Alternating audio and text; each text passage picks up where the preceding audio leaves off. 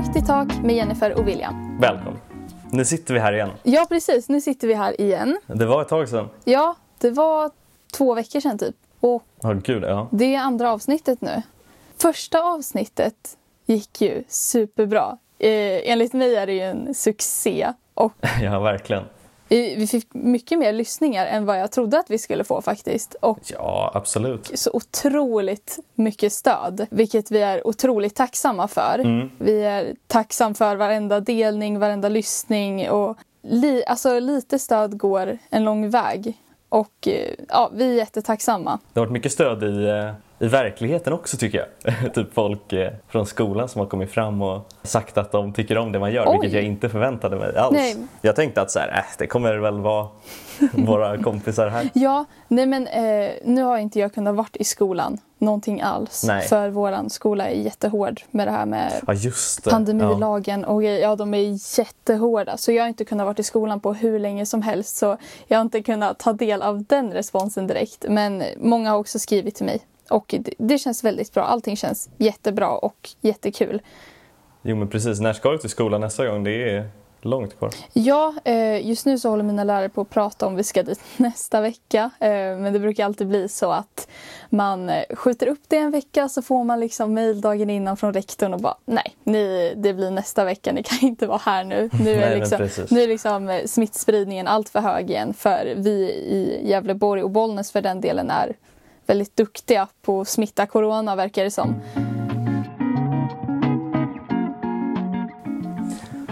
Men eh, vad har hänt sen sist? Jo, ehm, för ungefär eh, en, två veckor sedan var ju min bästa tjejkompis Eja här. Och hon var ju här en hel, ja, hon var här en hel vecka. Hon bor ju i Västervik så det är en, det är en bit upp hit till Bollnäs. Så vi, vi kan ju inte ses så ofta. Nej, Men klart. hon var ju här en vecka och det, det, det tog ju upp hela mitt påsklov då, eh, vilket jag inte klagar på. Vi hade ju superkul. Mm. Och det som är, jag, jag vet inte, men det som är så speciellt med att hänga med Ia också, det är så här, jag har så sjukt lätt att tröttna på personer. Jag vet inte om någon känner igen sig i det. Samma här. Eller, jag tycker samma, speciellt när man hänger med typ samma människa i mer än Ja, några dagar. ja. Även om man tycker om dem hur mycket som helst så blir det väldigt eh, svårt bara att fortsätta. Ja, precis. Och eh, ofta blir det påfrestande. Ja. för mig ens mer än liksom en natt med varandra så kan det bli lite jobbigt. Och det som är så speciellt med Eija är att liksom, första dagen hon kom hit så liksom tänkte jag hur ska jag klara mig utan henne? Eh, och det var liksom, jag försökte trycka bort de där tankarna då men det var så himla jobbigt att behöva säga hej då till henne på stationen. Och det är liksom en känsla som jag aldrig har upplevt förut med någon annan person. Så Nej. det, det är väldigt speciellt med henne. Eh, hon är ja, min relation till Eija, det är verkligen, det är obeskrivligt. Hon är min bästa tjejkompis någonsin liksom. ja. Och det, det är väl så här, typ, jag vill dra det lite kort i alla fall. För jag har haft det ganska tufft den senaste veckan ändå. Mm. Och nu kanske, alltså jag brukar ju inte öppna upp mig så här ens. Men jag känner att jag måste prata ut. Det kändes så jobbigt att behöva säga hej då till Eija. För att det känns som att hon är typ en del av mig som jag aldrig har haft. Som jag fick nu. Och Ja. jag vet inte hur jag ska förklara det. Men det är så, det är så himla speciellt. ja det, det är väl därför du klarar av att vara med henne hur länge som helst. Ja, precis. Självklart. Alltså, även fast vi är så olika så är vi också så lika. Mm. Och det, vi pratade om att vi så här, nästan morfar into, into one liksom för att jag vet inte, det är, vi är så himla lika men olika på samma gång. Ja. Ja, relationen är speciell men nu har jag liksom vräkt klart om det och jag får försöka fokusera till sommaren i alla fall då jag kommer ner till Västervik eh, en lång stund. Så får, vi, så får jag hänga med henne då.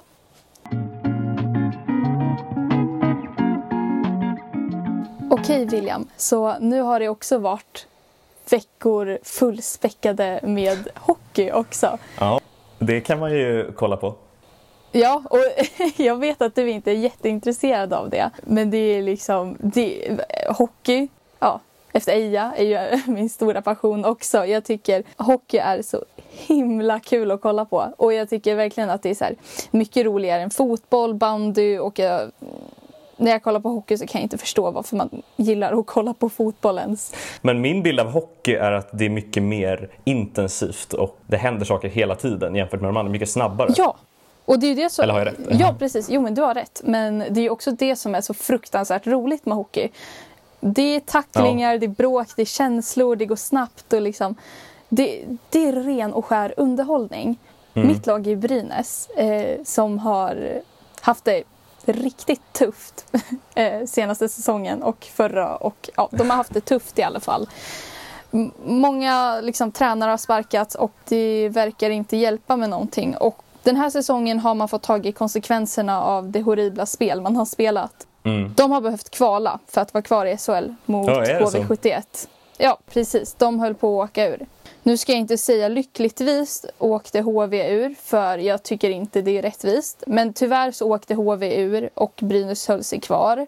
Eh, Jag har lite problem med Brynäs-fans som sitter och kimmar och tjoar över att det här skulle vara en vinst på något sätt. För det är det ju verkligen inte. Utan som sagt, det här är ju en konsekvens. Ja. Nu är inte jag en hockeyexpert men det är så här, jag tillbringar mycket tid på det. Och det är lite orättvist också. För förra säsongen så stängde man hela det här med att kunna spela slutspel och spela kvalspel. Det var ingen som flyttades ner eller upp i ligan liksom. Oavsett hur hårt man hade, man hade kämpat. Ehm, och för många klubbar så kändes ju det här förgäves. Va- varför har man jobbat så hårt liksom? För ingenting.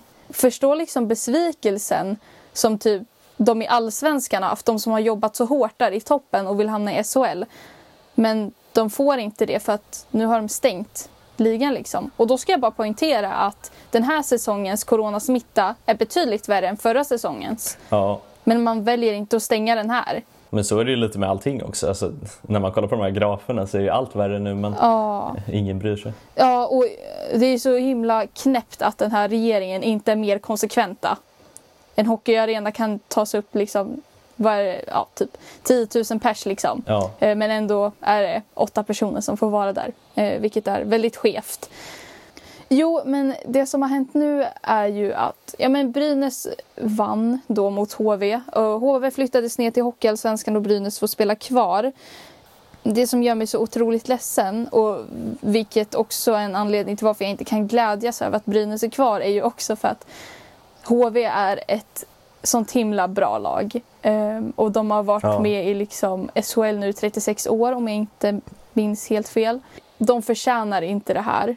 Och det är så orättvist. För hade det varit, eh, hade förra säsongen fått spelats klart liksom, då var det ju antingen Oskarshamn eller Leksand som hade ju liksom så här, fått åka ut. Så de, ska ju, de två lagen ska ju bara vara lyckligt lottade att man valde att stänga serien. Ja. Och det är det som får mig att tycka det här är så himla orättvist. För nu fick HV åka ur istället liksom. Men är HV en, eh, en traditionell liksom, rival till Brynäs? Nej, det skulle jag väl nog ändå inte säga att de är. Ehm, Nej, okej. det har varit väldigt jämnt i våra Det har nog alltid varit jämnt i våra matcher tror jag. Men, och jag kommer ihåg att vi har spelat två SM-finaler mot dem. Och jag tror Brynäs förlorar båda tyvärr, vilket är ganska tufft. Men det, det är ju fortfarande liksom... Det har varit hett mellan oss. Och Okej. Det, Men ni ha, hatar inte varandra som vissa andra? Nej, nej, nej. Och jag tror verkligen inte att... Alltså äkta hockeyfans hatar inte på andra lag. Eller alltså så här, man gör bara Nej. inte det. Eh, för då, alltså, man bara förstör hela grejen med att kolla på hockey.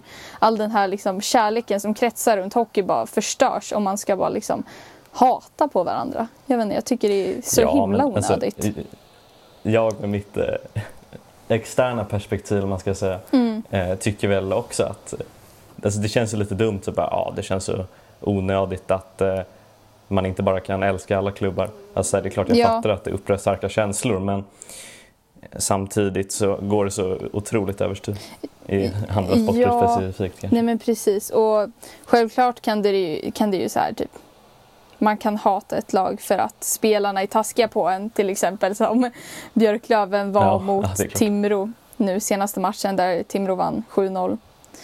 Ja, Björklöven var inte skitsnälla på Timrå men det är ju egentligen en annan historia. Men jag kan förstå att man har agg men eh, jag tycker verkligen inte att man ska tjo och simma över att HV är nere i Hockeyallsvenskan eh, som Brynäsare eller något annat lag i SHL egentligen för de, de hör hemma i SHL och jag är verkligen jag vill nästan be om ursäkt för alla brynäsare som har varit jävliga på alltså folk från HV som åker ner. För det, det är inte schysst någonstans.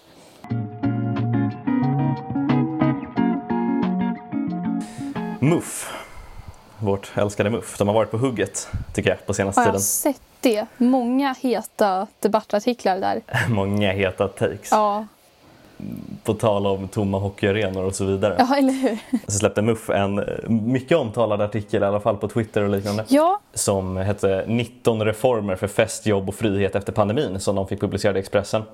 Och den här artikeln kan väl sammanfattas som att den unga generationen har rätt till fest, de har rätt till hångel och de har rätt till specifikt alkohol. oh wow. Oh, oh.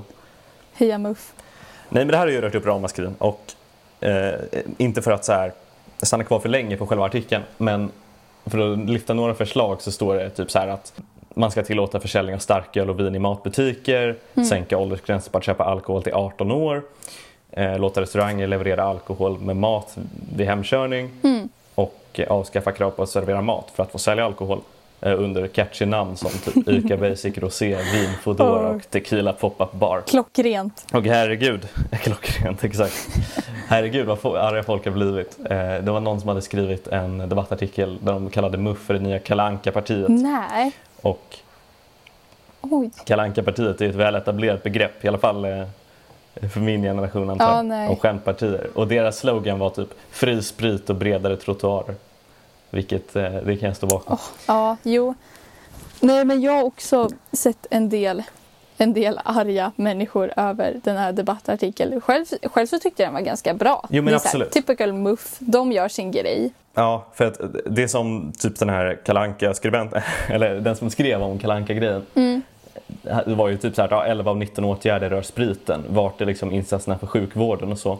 Men jag tycker så alltså, man måste inte ha ett helhetsperspektiv i varenda artikel man skriver. Nej. Ehm, och mycket så här, alltså. Ska man vara sån så kommer folk under 18 få tag i sprit. Hur de än gör. De Exakt. kommer festa. Hur, hur många lagar man än sätter emot det. Så eh, ja, men kör på regeringen. Men eh, tonåringarna stoppar Just inte. den punkten. Nej, exakt. Men just den punkten tycker jag är den mest rimliga. För att jag menar, om man ska ha ett systembolag, alltså 20-årsgränsen är ju helt orimlig. Ja, men i, i, William, ibland känns det som nästan att regeringen hatar unga bara. Ja, Eh, man har inget förtroende till dem överhuvudtaget och det känns ju jätteknasigt att inte ha förtroende till sin egna befolkning. Eh, men också att nej exakt. begränsa folk så mycket. Precis, för jag tänkte inte hänga upp mig så mycket på så här legaliteten eller det politiska. Men Nej. det är, det är ändå värt att säga det, för så här, man får rösta, man får skickas ut i krig. Eh, Det har ju sagts många gånger innan, men det är så sant. Mm, men, men man får inte gå och köpa en cider på Systembolaget. Nej. Nej, och jag tror att man känner sig ganska myndig på grund av alla de andra förpliktelserna när man är 18. Mm. Eh, så de som inte drack innan kommer garanterat börja, eller ja, många kommer i alla fall börja då. Ja, Och om man inte då kan få ut vanlig alkohol, vad är det för alkohol man får ut då och så vidare. ja precis. Nej, det är en viktig punkt. Det är ett eh, första steg på vägen till en mer human politik. Ja, verkligen. Men i alla fall, om man tänker bortom skademinimering rent politiskt så finns det också en annan aspekt och det är den liksom, sociala, hur vi faktiskt ser på eh, alkohol i vårt samhälle. Ja. Och, ja, främst i Sverige då. Och jag vill bara poängtera innan vi ens börjar liksom snacka om det här att alkoholism är en helt annan fråga. Alltså folk som faktiskt har ett missbruk eller beroende, det ska man inte glorifiera någonstans. Precis. Men eh, de allra flesta kan ju dricka ansvarsfullt. Ja. Eh, och vad skulle du säga? Vad är de främsta mekanismerna som ligger bakom att folk dricker? Ehm, ska vi prata just i min ålder så är det ju verkligen så här sällskapsdrickning. Ja, men man går på fest, Mm. man dricker, man, man sätter sig och har picknick i, liksom, på någon fin klippa i solnedgången, man tar med en vinflaska. Det är ju så här. Och under de omständigheterna jag har varit med om när det dricks eh, så här typ blir det aldrig, man blir aldrig eh, alldeles för berusad. Man har kontroll på läget och man dricker ansvarsfullt. Och eh, nu kan jag ju bara prata ifrån mina liksom, erfarenheter men eh, från min synvinkel så Ja. är det ganska chill liksom. ja, ganska oproblematiskt, exakt. Mm.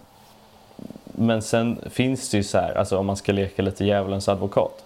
Ja, Eh, för att det är många som tycker så här att man dricker för att saker blir roligare. Men eh, jag skulle, alltså det som sker egentligen är att man sänker sin standard till den grejen att, att dumma saker blir roliga. Ja, Och det är väl lite det här som, även om inte de motståndarna till de här artiklarna skriver det, vill komma fram till att så här, ja, vi främjar saker som inte, de är, det är antiintellektuellt, det fördummar vår kultur och så här. Men jag skulle hävda att ehm, nej, men jag skulle hävda att i längden så är ju socialt umgänge och de kontakter som man kan knyta över det här väldigt viktigt, kanske också för en själv personligt. Eh, eller hur? Visst håller du med mig Jo, absolut. Självklart. Nej, men jag tror också att liksom, oavsett om man dricker eller inte så umgås man ju också. Mm. Det, det betyder ju också väldigt mycket. Eh, Och eh, jag tror helt ärligt inte att för de som oftast pratar om eh, alkohol som att man behöver det för att ha kul eller för att kunna liksom vara social eh, tror ju också att man blir stupfull varje gång man träffar ett par kompisar och dricker några bärs. Liksom. Eh, Men så är det ju verkligen inte. Men det är ju mer en grej man kan säga. Nej, men, eh, vi möts där så kan vi ta en öl eller vi kan eh, samlas här och dricka ett glas vin. Liksom. Exakt, och jag tycker att man, så här, man ser redan i vår ålder de eh, få ändå liksom, som när de dricker alkohol så glimrar någonting till i ögat. Eh, och det är väl de som kanske borde tänka lite på vad de håller på med. Men jag tycker att det är ändå så pass få jämfört med vad det målas upp som. Ja, verkligen. Så är det ju. Men sen så här också att det kanske är godare att dricka lite vin till maten än läsk. Och Ja, nu får vi också tänka att alla dricker inte för att bli fulla. Nej, Och det tycker jag verkligen att man måste sluta säga så hela tiden. Man måste verkligen sluta tänka så. Man drick, alltså, alla dricker inte för att bli fulla hela tiden. Problemet är att här, i Sverige har vi haft en lång tradition av att eh, kanske tyvärr mer dricka för att bli fulla. Alltså förr i tiden Ja, typ, jämfört med våra här, andra europeiska länder. Typ Frankrike, Italien och Ja. så här. Jag tror det har förstört vår standard lite och sen hela 1900-talets gråsosseri med Ja, alkoholen. jo precis. Nej, men jag kan ju tänka mig verkligen att Frankrike och Italien typ haft bara en så här findrickarkultur. Vilket jag är ledsen över att Sverige inte haft. För jag tror verkligen inte att vi Ja men verkligen. Jag tror ja. inte att vi hade varit i samma sits idag. Och vi kanske till och med som befolkning hade haft mer förtroende om det inte var för vår liksom så här, ruttna, bli packad standard som vi hade förr i tiden. Ja, ja, ja. Och jag menar, det var ju antagligen, nu är jag ingen expert, men för att Sverige var så pass fattigt på den tiden. Mm. Att man, eh, det fanns inte riktigt någon fin kultur för några förutom eliten. Ja men Och då precis. tog de vad de fick ha. eh, Och det här har ju levt kvar Ja. när man försökte reglera det som sagt. Mm. Och det är problematiskt idag, speciellt eftersom att vi lever i en mer globaliserad värld. Vi är inte bara isolerade uppe i Norden. Vi kan också vara finkulturella idag, hoppas jag. Ja, jo precis. Så att dricka i ung ålder här i alla fall, eh, i Norrland om man kan säga så, är ju ganska annorlunda till att dricka som ung i Stockholm, tycker jag i alla fall. Ja, det kan jag tänka mig. Ja, det finns väldigt stora kontraster. Den största skillnaden är väl att många här tillverkar egen sprit. Eh, det vi kallar för hembränt, HB. Eh, Mm. Jag har säkert jättemånga hört talas om, jag tycker det är riktigt vidrigt. Eh, men för att gå in lite på vad det är för ni som inte vet så är det ju sprit som du gör hemma. Liksom. Du gör det på liksom eh, på jäst och socker och du, liksom, du gör det själv. Vilket också betyder att du har inget kräkmedel till exempel. Det du har i vanlig liksom, alkohol du köper på systemet som liksom säger åt kroppen att nu har du druckit för mycket, det här kan bli farligt. Så nu spyr, spyr vi upp det här. Liksom. Eh, det finns ju inte i HB till exempel. Eh, en också grej med HB som gör det så otroligt farligt att dricka är också att du vet inte när den kan ha blivit dålig, om man säger så. Ehm, man Mm. vet inte, för då, då börjar det förvandlas till eh, någonting som heter typ mm, röd sprit, eller jag vet inte riktigt, jag är inte jätteinsatt på det här, jag har bara hört från andra. Te- Ja, jag det, det, bru- det börjar bli liksom... Det kan bli lite blåaktigt och det kan börja lukta liksom eh, bensin och det är inte alls bra. Och det finns ganska många historier om folk som har blivit... Man, det är vanligt att bli blind av det här har jag hört. Ehm, Ja. Och eh, ja, inte omöjligt att man dör heller. Nej, precis samma grej som fulsprit. Liksom. Precis, det är ju fulsprit eh, i alla dess Ja, det former. blir ja. Eh, det, det är ju inga liksom eh, vettiga framställare bakom det här heller utan det är ju, vi snackar liksom tonårspojkar som sitter i sitt rum och kokar den här spriten då. Eh, och sen så säljer man Mm. det till sina polare för liksom 90 kronor för eh, tre liter. Eh, och du hör ju vad billigt det är. Eh, och Ja. eh, då kan man ju bara jämföra typ med en Absolut Vodka från systemet 700 milliliter typ 250 spänn. Och då, då Yes. står man ju där som 15-åring och, och man får sin veckopeng av mamma och pappa på 100 kronor. Och då tänker man, ska jag, ska jag spara ihop till den här 700 millilitern Absolut på systemet och få en riktig sprit? Eller ska jag köpa från Polan som säljer 3 liter för 90 spänn? Ja men klart vi tar Polan då liksom. Som har ingen erfarenhet av att koka sprit sedan tidigare. Och man vet liksom, man, man har egentligen ingen aning vad det kan vara i den här. Eller hur farligt det är att dricka den. Nej, Och det är ett precis. det är ett jätte, jättestort problem ehm, här uppe.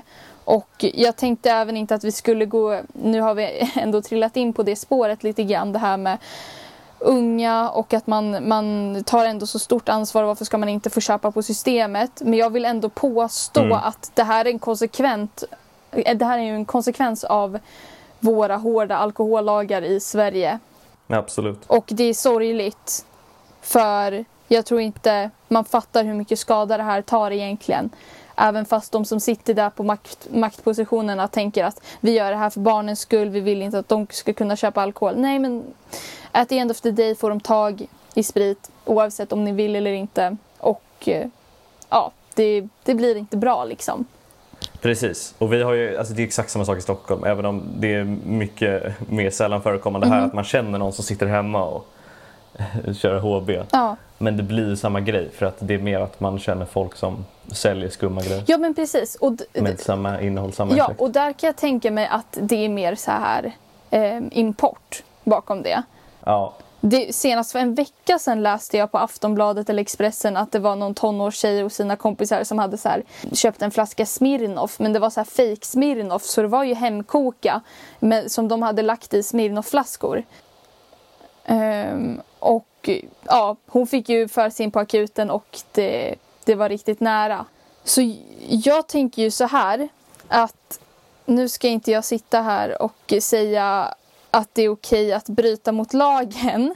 Men föräldrarna är medvetna om vad som händer. De vet att barn köper hemkoka. Och eh, jag vet också att föräldrarna här uppe var även med och gjorde hemkoka när man var ungefär i samma ålder. Liksom.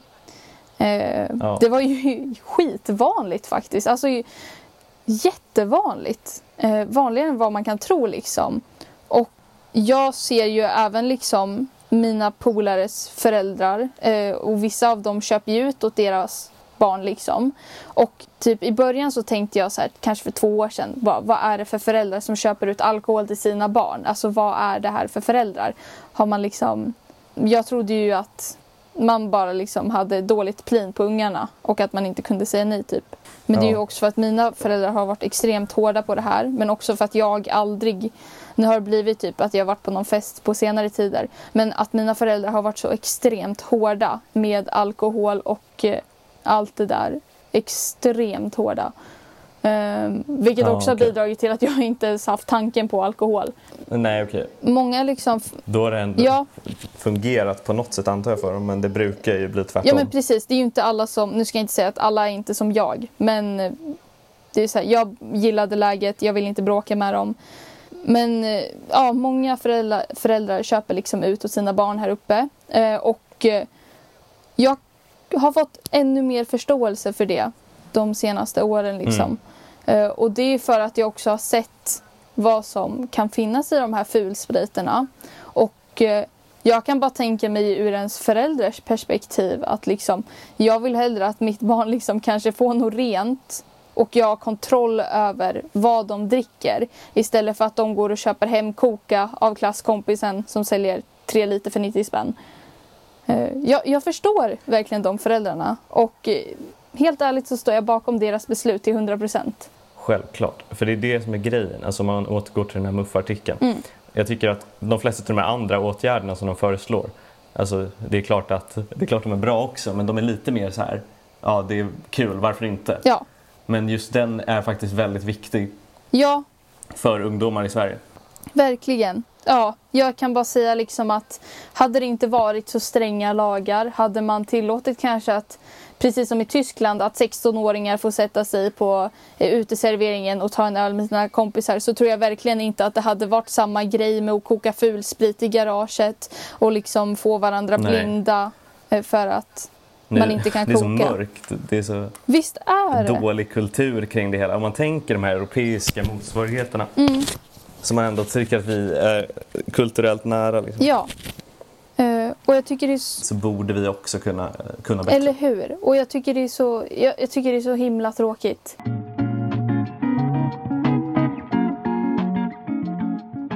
Så, då kommer vi till avslutet av det andra avsnittet av Högt i tak. Yes. Jag tycker att eh, det här gick bra. Ja och- men det gick jättebra. Jag kan säga att nästa gång vill ni inte missa. Då kommer ni få höra om en hel del intressanta människor som jag har stött på under min eh, politiska resa.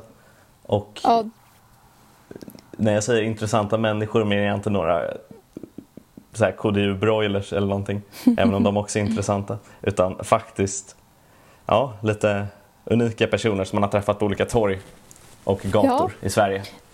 det Så ska missa bli... inte det. Ja, det ska bli otroligt intressant att lyssna på. Ja. Och Jennifer, om man eh, inte vill missa det här, vad ska man göra då? Ja, då ska man följa oss på Instagram där vi heter podcast. Eh, där publicerar vi lite allt möjligt. Eh, lite stories och eh, lite poddomslag också kan man se där. Så vi ska försöka Ja, ja. vara lite mer aktiva där. Men håll utkik där för där kommer massa ny info. Tack så mycket för att ni har lyssnat och eh, vi hörs igen om två veckor. Varannan torsdag släpper vi ett nytt avsnitt. Det blir jättebra. Tack så mycket för att ni har lyssnat.